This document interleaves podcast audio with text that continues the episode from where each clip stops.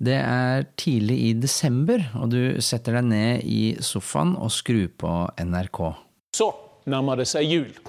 I dag har mange av landets skoler markert at eh, det i går var første søndag i advent. og Nå kommer da diskusjonen om i hvilken grad Jesus og kristendommen skal spille en sentral rolle fortsatt i forventningen og feiringen vår. Og eh, ja, Generalsekretær i Human-Etisk Forbund, eh, Kristin Mile, er det over og ut med Jesus? Det er duket for debatt om skolegudstjeneste, og i studio så er det en fra Human-Etisk Forbund, en prest og en representant fra KrF som oppsummerte denne debatten på en ganske fin måte.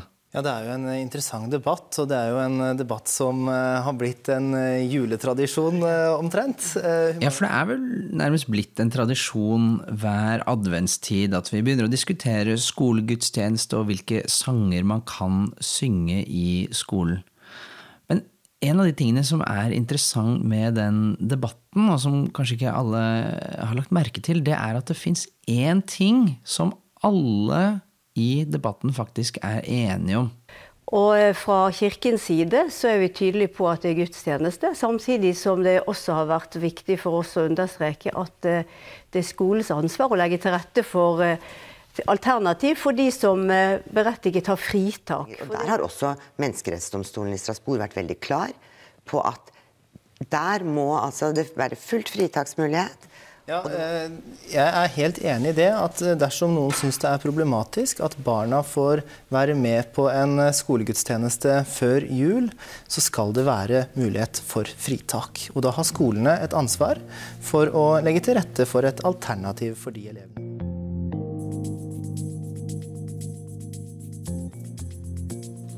Fritak, altså. De som ikke vil, skal ha mulighet til å få fritak, ja. Selv ikke Sylvi Listhaug greier å skape splittelse omkring den ordningen. Jeg mener at ingen skal tvinges til å gå på skolegudstjeneste. Men jeg mener at alle skal ha en mulighet til å gå dit. Eh, og Derfor er det viktig at skolene gir tilbudet. Så får man heller melde seg av dersom eh, man mener at er, man ikke ønsker å delta. For det skal handle om fritak i dag. Og bare for ordens skyld, eh, Sylvi Listhaugs forslag her eh, det bryter faktisk med UDIRs anbefalinger om at man skal ha påmelding. Men uansett, i dag skal det handle om fritak. Og fritak handler om mye mer enn skolegudstjeneste. Men hvorfor kan man egentlig få fritak, og hva kan man få fritak fra? Jeg mener, en ting er jo skolegudstjeneste, det er jo en form for religionsutøvelse. Men hva med visse typer matlaging, eller hva med svømming? Kan man få fritak av det på grunnlag av religions- og livssynstilhørighet? Jeg har igjen snakket med Marie von der Lippe og Sissel Undheim, som har redigert boken 'Religion i skolen'. Og der har Marie et kapittel som nettopp handler om fritak. Så hvis du blir værende, så skal du få høre om hvordan det gikk da et foreldrepar ba om fritak fordi læreren var homofil. Og du skal få høre dette her. Hvis du skulle sende da på en måte elevene på ekskursjon til moskeen, så skulle de gått på koranskole. Det er parallellen. Påskevandring er koranskole? Ja. Du hører på KRLE-podden. Mitt navn er Knut Aukland. Skal handle om skole, skole, religion og kristendom. Jeg mener at ingen skal tvinges til å gå på skolegudstjeneste. Eh, lærerstudentene har av kunnskap om disse evnene. Faget vil inneholde hele 50% kristendom og bare 50 eh, vranglære. Kompetansemålene i faget. Det K-en gjør nå, er at den bare markerer at kristendommen har en særlig historie hos oss. Og det er jo sant. Den K-en kom til for tre og et halvt år siden. Den var ikke der før. Det handler først og fremst ikke om K-en. Uh, RLE-faget har jo en litt brokete historie. Abonnerer de selv på KRLE-podden som lærer? Ja, det er en selvfølgelig ting.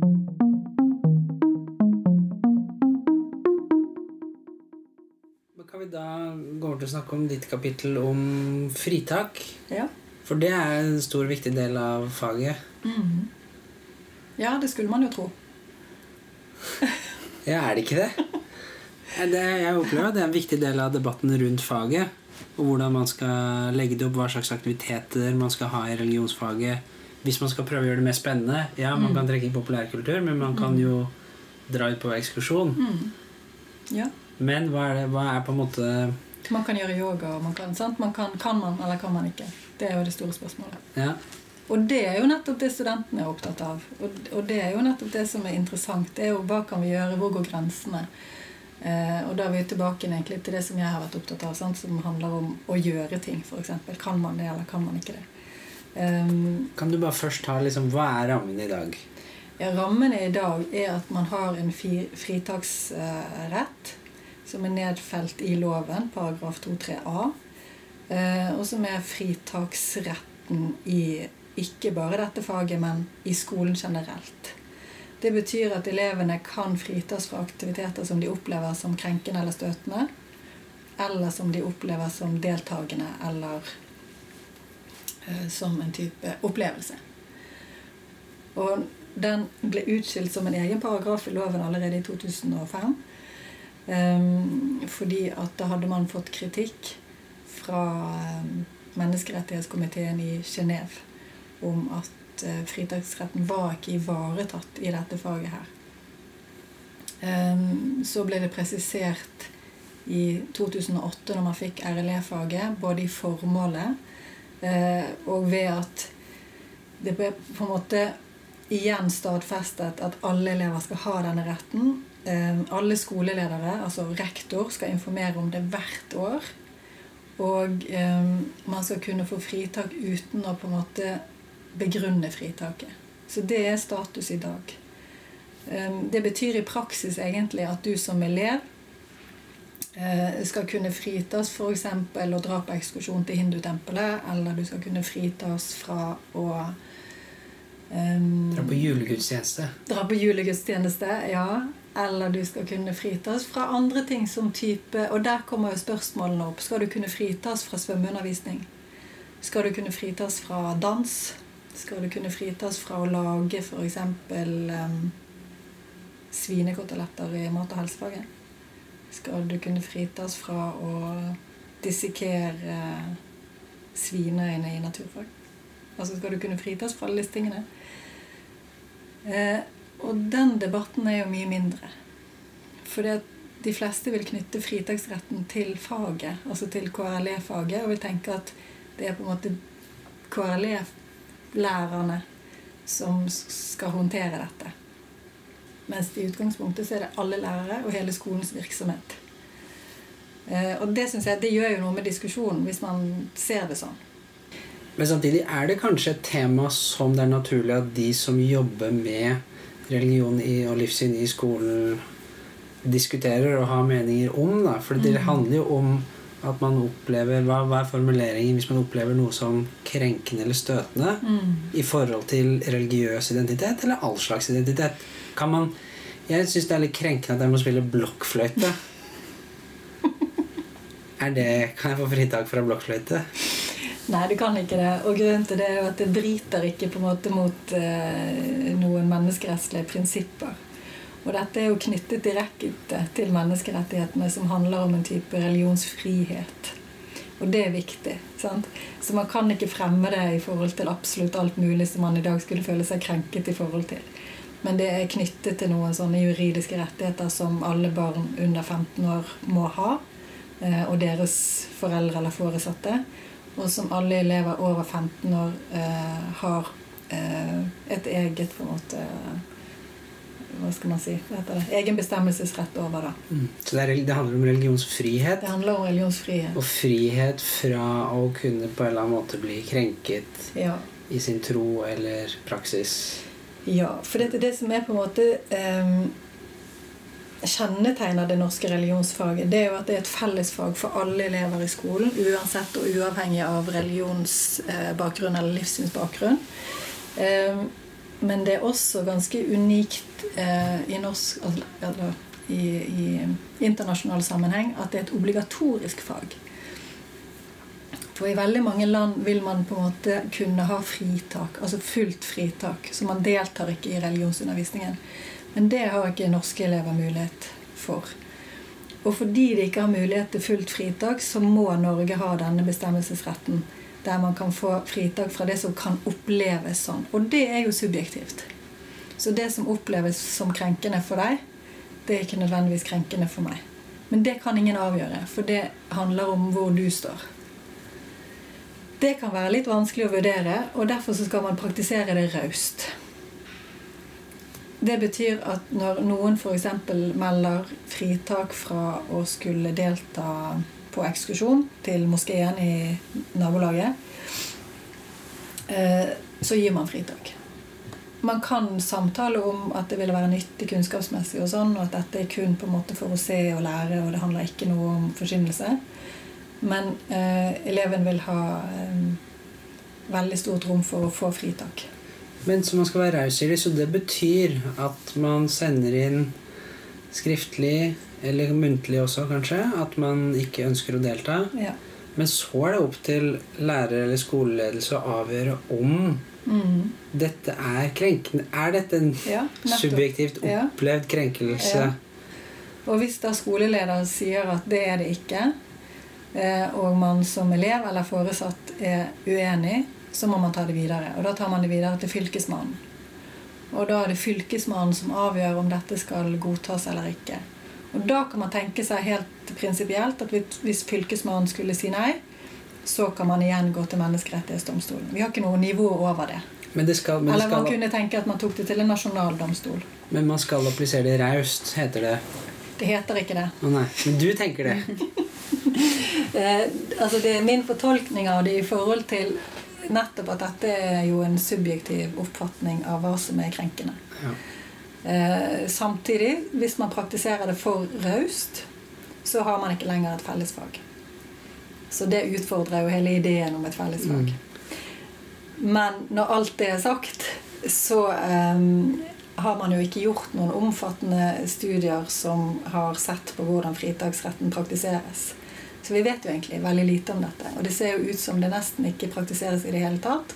Og at det er i ferd med å bli en ganske sovende paragraf. Eh, Det kan skyldes at faget har blitt mye mer kunnskapsorientert. Det er mindre sang og, og leik. Mm. Og at det er på en måte blitt kanskje mer et kunnskapsfag som, som tar utgangspunkt i tekst og lærebok og oppgaver og den type ting. Kanskje et kjedeligere fag. Vet ikke Fordi vi har på en måte så lite kunnskap om det, da. Mm. Men det kan jo hende at, øh, han, ja, at man er forsiktig også. og det varsles jo Eller det ligger vel litt i noen av de religionsdidaktikkbøkene at, um, at man skal være litt varsom. Og så heter det vel at faget i utgangspunktet skal være samlende. Eller det er en eller annen sånn Ja. formulering. Det er jo det. Og at det er uheldig da at, at noen, hvis noen søker fritak, så er det uheldig. Man vil at alle skal være sammen hele tiden. Ja, for Det er jo ideen om fellesfaget. Og ideen på en måte som lå litt til grunn for faget, var jo nettopp det at man skulle jo kunne møtes i dette faget fordi at man skal kunne snakke om religion sammen, uavhengig og på tvers av religioner og livssyn. Der kommer jo på en måte den dialogideen inn. Ja, hvis man er for det, da. Det er det ikke alle som Nei, men nå bare beskriver jeg hvordan dette på en måte henger sammen. Hvordan dette var tenkt. sant? Dette var jo viktige prinsipper som lå til grunn for faget opprinnelig. Det var jo at det skulle være et dialogfag. For å unngå konflikter i fremtiden så må elever kunne på en måte møtes i klasserom og snakke om religion. For før man fikk et fellesfag, så hadde man enten kristendomsfaget, eller så hadde man et livssynsfag. Da måtte foreldrene dine være utmeldt av statskirken, eller minst en av de, eller kanskje begge to. Og så var det de som ikke hadde tilbud om noen ting, som ikke skulle delta verken i det ene eller det andre, og som hang og slang i skolegården.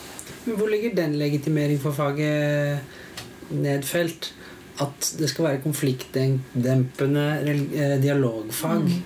Det ligger i den NOU-en som var på en måte den eh, utredningen som ble eh, lansert i, 2000, nei, i 1995.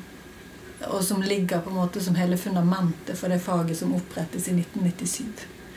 Der er det på en måte Den, den- som ledet det utvalget, var jo tidligere biskop Erling Pettersen. Ja. Eh, og det var- heter Pettersen-utvalget. Og der kan man lese ganske mange interessante ting om hvordan ting er tenkt. Så der ligger det sånn dialogperspektiv? Ja. Altså. der ligger dialogperspektivet. Og der ligger det også at det skulle bare være orientering om de andre. Ja. Så det første faget heter jo faktisk kristendomskunnskap med religion og livssynsorientering. Så når den der evalueringen ble gjort i, i 2000 for å finne ut hvordan dette praktiseres, så var det jo mange som bare Ja, vi orienterer om religion. Bare til orientering, det fins noe annet der ute som heter islam. Tilbake til Men Hvem er det som skal ha dialog? Frikirken og statskirken? Hvem er det som skal være dialog mellom da? Elevene? Ok. En annen ting med fritak er vel det at du har ikke fritak fra kompetansemålene. Nei. Ja, Det står ikke det, da. Men du har ikke fritak fra kunnskap. Og det der er jo et litt sånn instrumentelt syn på hva kunnskap er. For det at kunnskap er jo på en måte mer enn teori. Mens her er på en måte kunnskap forstått veldig teoretisk. Man kan jo tenke kunnskap mye mer dynamisk. Sant? Og mye mer prosessuelt, og mye mer på en måte egentlig også kroppslig. Hvis man på en måte ikke har en så jeg mener ikke enkel, men hvis man ikke har en så teknisk, teoretisk forståelse av hva kunnskap er, så er med en gang fritaksproblematikken mer krevende. Fordi at Da kan du ikke si at ja, men det er kunnskap. Alle må ha kunnskap, men du skal slippe på en måte alle disse andre tingene. For vi lærer oss jo ofte gjennom kropp og, og ting å gjøre. og sant? Det er jo en, en mye bredere på en måte type læringsprosess enn den rent kognitive. Mens fritaksparagrafen legger vekt på den type kunnskapsforståelse. Mm. Og det er fordi det er jurister som løser dette her. Og de må løse det. Mm. Og da er det en måte å, å gjøre det på. Vet vi eksempler på når fritaksretten er blitt brukt utenfor religionsfaget? Eller når det har kommet opp til rådmannen? Ja. Jeg har et litt sånn gøy eksempel på det, faktisk. Og det var i fjor eller i forfjor. På Sør-Vestlandet. Det er jo et litt sånn pietistisk del av eh, landet. Eh, hvor det var noen foreldre som søkte sin sønn fritatt fra undervisning om homofili og surrogati. I hvilket Eh, fag? I samfunnsfag? Ja, det var, i, det var faktisk i eh, KRLE-faget. Det kunne vært i samfunnsfag. For det, det som viste seg, var at det var på en måte eh, litt ymse begrunnelser for hvorfor eh, de skulle ønske at han kunne fritas. Og da ja. Selv om de ikke trenger å ha, gi begrunnelse i fritak. Men de hadde gitt? Eller kom det kanskje fram i Det kom, ettertid? det kom frem etter hvert i prosessen fordi at de ikke godtok verken lærer eller skoleleders avslag. Ja. Nettopp fordi de ikke måte hadde gitt noen begrunnelse først, så ba de bare om eleven eh, skulle få fritak fra undervisning om dette. Eh, hvorpå både lærer og skoleleder sa nei. Da tok de han videre saken til Fylkesmannen, og da begrunnet de hvorfor de på en måte ikke godtok eh, avslaget. Og det som var ganske interessant da, var jo at de ønsket eleven fritatt fordi de mente at læreren var forkynnende fordi at læreren selv var homofil. Og dermed så mente de at de kunne begrunne fritaket med at dette var ikke objektiv undervisning. Og den var heller ikke kritisk, og derfor så ønsket de på en måte eleven sin fritatt. Da Ja, så de jo- brukte det som det heter at faget skal være objektivt og kritisk? Som begrunnelse? Som begrunnelse for at deres sønn ikke skulle få undervisning om dette. Og da eh, ga også Fylkesmannen avslag. Og en viktig grunn til på en måte at det ikke kunne godkjennes i den sammenhengen der, det var jo at dette var jo kunnskap om, for det første. Men det andre var jo nettopp begrunnelsen deres. fordi at her konkurrerer jo da fritaksretten med andre rettigheter, som f.eks. diskriminering.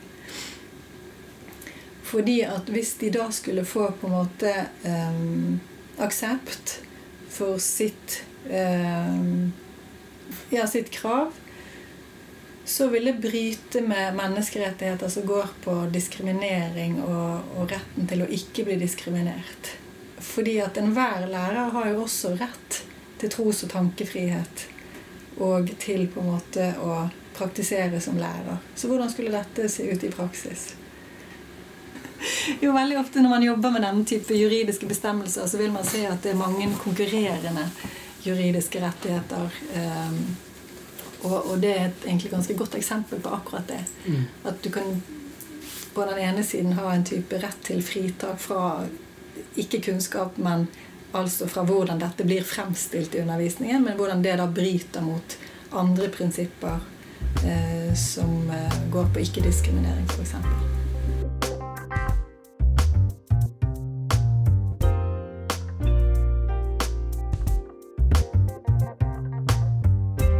fritak det er jo litt interessant i forhold til en sånn debatt som har vært i Prisme, tidsskriftet mellom Reidun Oppsal og Geir Vinje om påskevandring.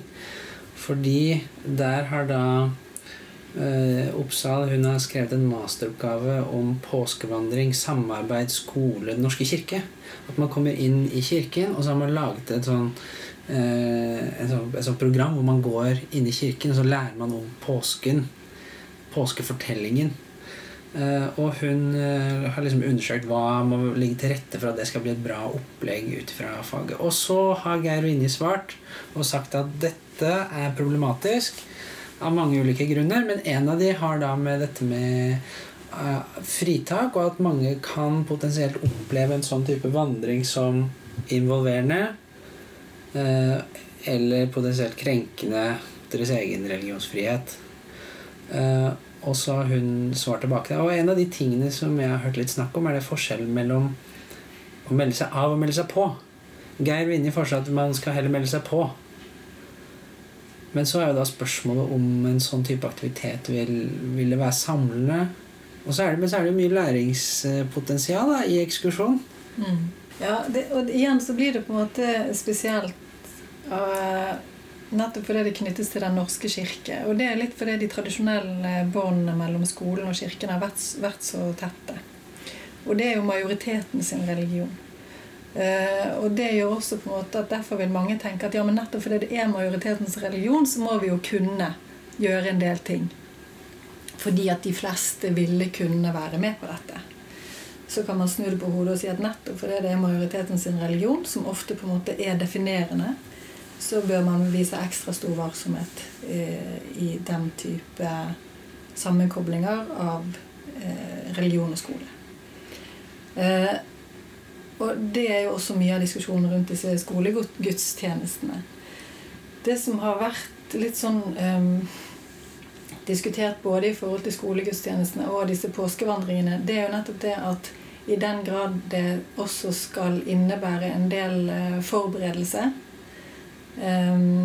kanskje man setter av en hel uke eller to uker også f.eks. til den type påskeoppsetninger og sånn som Jeg tror det er en eller annen oppsetning som heter et eller annet sånn Har du hørt det?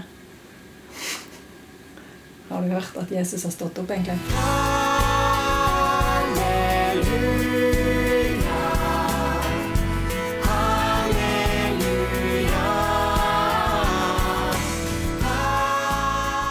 Men hvor de øver, da. Sant?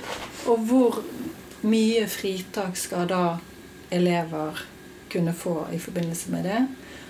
Og over hvor lang tid kan man si at det er greit at noen elever står utenfor undervisningen og må gjøre andre ting? Dermed så får det egentlig ganske mange konsekvenser når man gjennomfører den type aktiviteter. For det er ikke bare den kanskje ene timen eller den ene dagen. Det kan dra seg over mye lengre tid. Og så handler det jo nettopp om hva er det som skjer i den kirken. Hvem er det som har ansvaret for det? I hvilken grad på en måte klarer man å skille mellom eh, ulike roller? Eh, og hvilken er på en måte Hvordan skal elevene aktivt involveres i dette? Vi har hatt det samme her egentlig når vi har tatt med oss eh, studenter i hindutempelet. Så han ene brahminen der han vil så veldig gjerne på en måte velsigne dem med ild. sant? Ja, ja, Både med at man merkes i pannen, men også med ild. Og det er jo også et sånt spørsmål om hvor går man inn, hvor går man ut, er man deltakende, er man ikke? Og det er jo ikke alltid man kan på en måte være forberedt på det i forkant. Men akkurat disse her er nærmest sånn opplærings... Um, hva skal jeg si Opple Altså disse metodiske oppleggene, da. Der det er ment at man skal skal kunne lære, og der hvor disse skillene lett kan bli litt sånn flytende, så, så um, er det ikke noe rart at det skaper diskusjon. Og i forhold til skolegudstjenester og sånn, så har jo um, Utdanningsdirektoratet nå anbefalt at man har aktiv påmelding istedenfor avmelding. Så kan man problematisere det òg, for ved at man må melde seg aktivt på, så outer man jo de som også da må aktivt melde seg på. Men for å ta Oppsal og påskevandring litt i forsvar her, da. Ja, det tilhører majoritetsreligionen og statskirken hvor det har vært masse bånd. Men eh, det ligger jo nedfelt på ulike vis dette med den kristne humanistiske kulturarven. Og Den norske kirke forvalter denne kulturarven til en viss grad. Og påskevandringen, altså påskefeiringen er en viktig del av den norske kulturarven. Så det er naturlig i et fag hvor om lag halvparten skal gå til denne arven, at man også eh, kan dra på en påskevandring. Men jeg kan jo kanskje ta også et lite eh, En utfordring til eh, det ene argumentet som Geir Vinje kom da mot en sånn type påskevandring. Siden han er også knytta til eh, Høgskolen i Sørøst-Norge, hvor jeg er. Han er liksom litt min senior, da. Men han sier f.eks. at eh, en fare med den type aktivitet da, er jo delvis det at noen kan bli ekskludert og oppleves som krenkende. Men det som en ting som er veldig synd, tenker jeg, det er at man Tenker jeg, eller tenker han? Tenker jeg nå. I forhold til det perspektivet er at man kan bli veldig forsiktig med å tørre å dra på noen ekskursjoner. Og det er ekstremt mye læring i ekskursjon. Så det er det ene. Vil du kommentere på det nå? Jeg vil bare kommentere på at jeg ser ikke på påskevandring som ekskursjon. Nei. Der er jeg enig.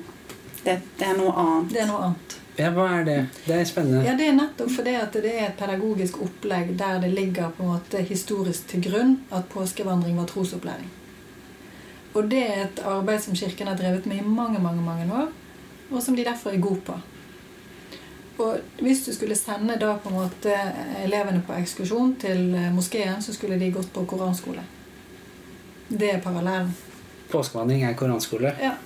Den andre tingen, da, når eh, Geir Vinje messer til å være forsiktig Men så snakker han vel også om at eh, man står i fare for å påvirke eh, barnas egne oppfatninger, religion, religiøsitet. Da tenker jeg at det er kanskje naivt å tenke at et religionsfag ikke skulle ha noen påvirkning, selv om man bare underviste om religion. Det vil jo åpenbart påvirke de som sitter og er med i det faget, og man leser om disse religionene. Man vil få et mer positivt eller et mer negativt syn på noen ting, for å gjøre det veldig enkelt. Da. Så kanskje en ekskursjon eller en påskevandring vil gjøre det, men det gjør fang uansett. Det kan vi ikke unngå. Og det er, det, er, det er, ikke bare i forhold til den innvendingen fra Geir Winner, men generelt. da, Man er redd for at man skal ikke, ja, vi skal ikke inn i trosopplæring. Vi skal ikke påvirke troen. Da vil mitt motsvar være ja, det, Hva slags idé er det om hva det er å være menneske og bli eksponert for kunnskap? Man blir jo påvirket. Men, men det er jeg jo helt enig i. at Hvis, hvis vi ser på, på, læring som en del av en danningsprosess, så, så vil det jo selvfølgelig påvirke. Det, det tenker jeg er helt uunngåelig. Men nettopp derfor er det jo eh, så viktig at religionslærere har et reflektert forhold til sin rolle i den prosessen. Um, og jeg har selv hatt um, studenter på, på, ALU og på GLU som har vært helt fortvila når de har sett vi kan ikke gjøre det, vi kan ikke gjøre det. Vi kan jo ikke gjøre noen ting. Hva, hva, hva står vi igjen med arbeidsmåter i dette faget? Uh, og da vil jo mitt svar være med selvfølgelig dere kan, gjøre, dere kan gjøre dette. Det er ikke noen begrensninger på hva dere kan gjøre, men dere må dere må tenke, og dere må kunne begrunne didaktisk hvorfor dere gjør det. Og dere må også kunne se eh, dette i et større bilde. Dere må kunne også trekke inn enkeltelevene eh, og deres forutsetninger når dere vurderer hvorvidt dette er et godt didaktisk opplegg eller ikke. Eh, og det er der jeg tenker at den fagdidaktiske kompetansen ligger, rett og slett. At, de kan ta disse valgene eh, og begrunne de. Ja. og jeg tenker også Et veldig viktig inngang i religionsvitenskapen og religionsvitenskapen sin fagdidaktikk, det er jo fremstilling og hvordan man fremstiller. Og i forhold til læreplanen så skal jo det på en måte være en kvalitativt likeverdig fremstilling av samtlige religioner. Og da må man jo også på en måte se litt ikke bare på plass sant? Og, og hvor mye plass kristendommen får, men også om den får helt andre fremstillinger og andre måter å jobbe med den religionen på enn man gjør med de andre religionene.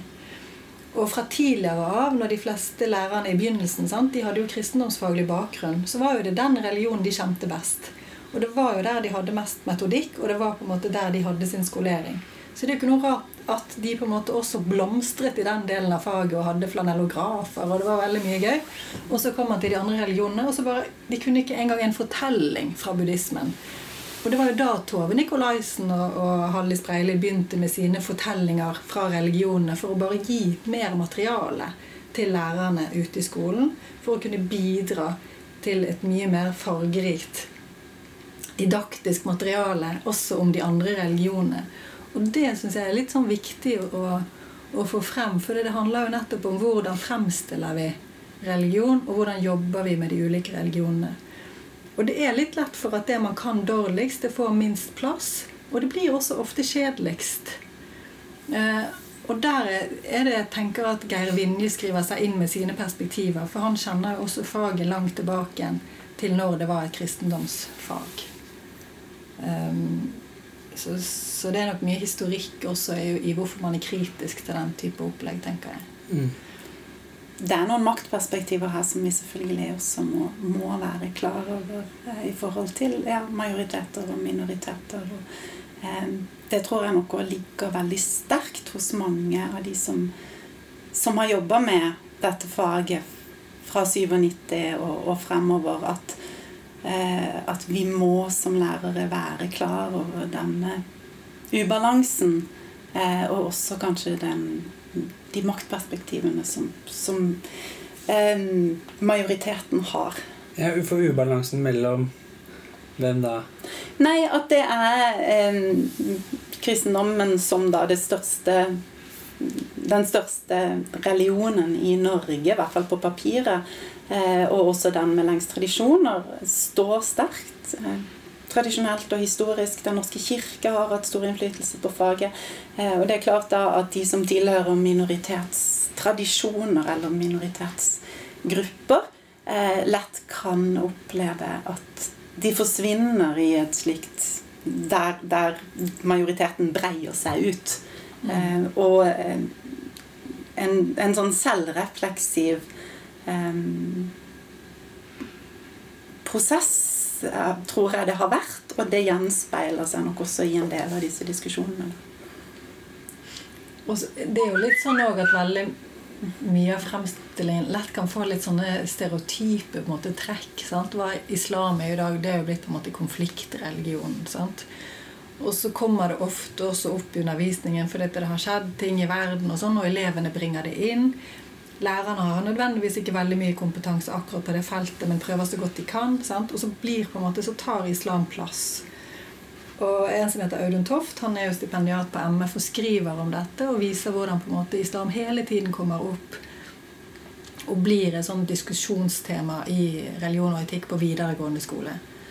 Eh, buddhisme sant? tvert imot. Det er frihetsreligion. Det er den veldig sånn go happy, go lucky. Dalai Lama er alltid glad.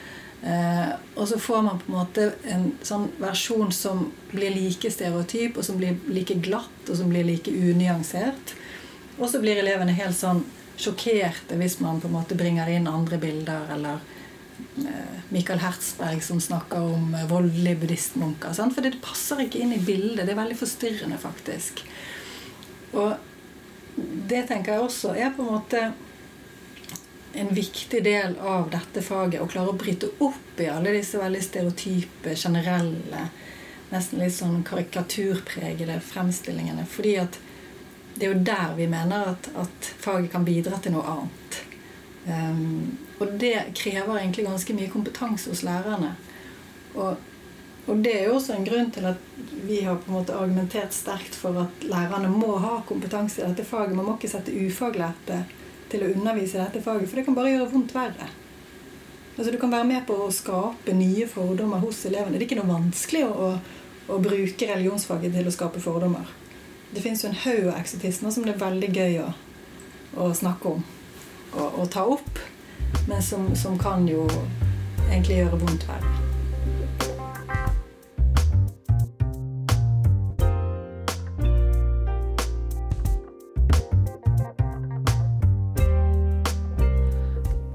Igjen til Sissel og Marie. Jeg har sagt det før, og jeg sier det igjen. Sjekk ut boka deres 'Religion i skolen'. Den er et must for de av oss som er opptatt av nettopp dette temaet. Innledningsvis så hørte du Arif med 'Sulten'. Bakgrunnsmusikken har vært av Lee Roosevelt.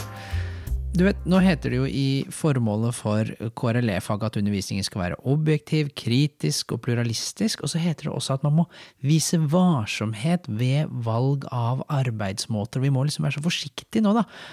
Men det er jo litt synd, da, for det var litt gøy når vi kunne holde på å påvirke unge, sarte sinn og få dem til å tro på alle mulige slags spesielle overbevisninger og forestillinger.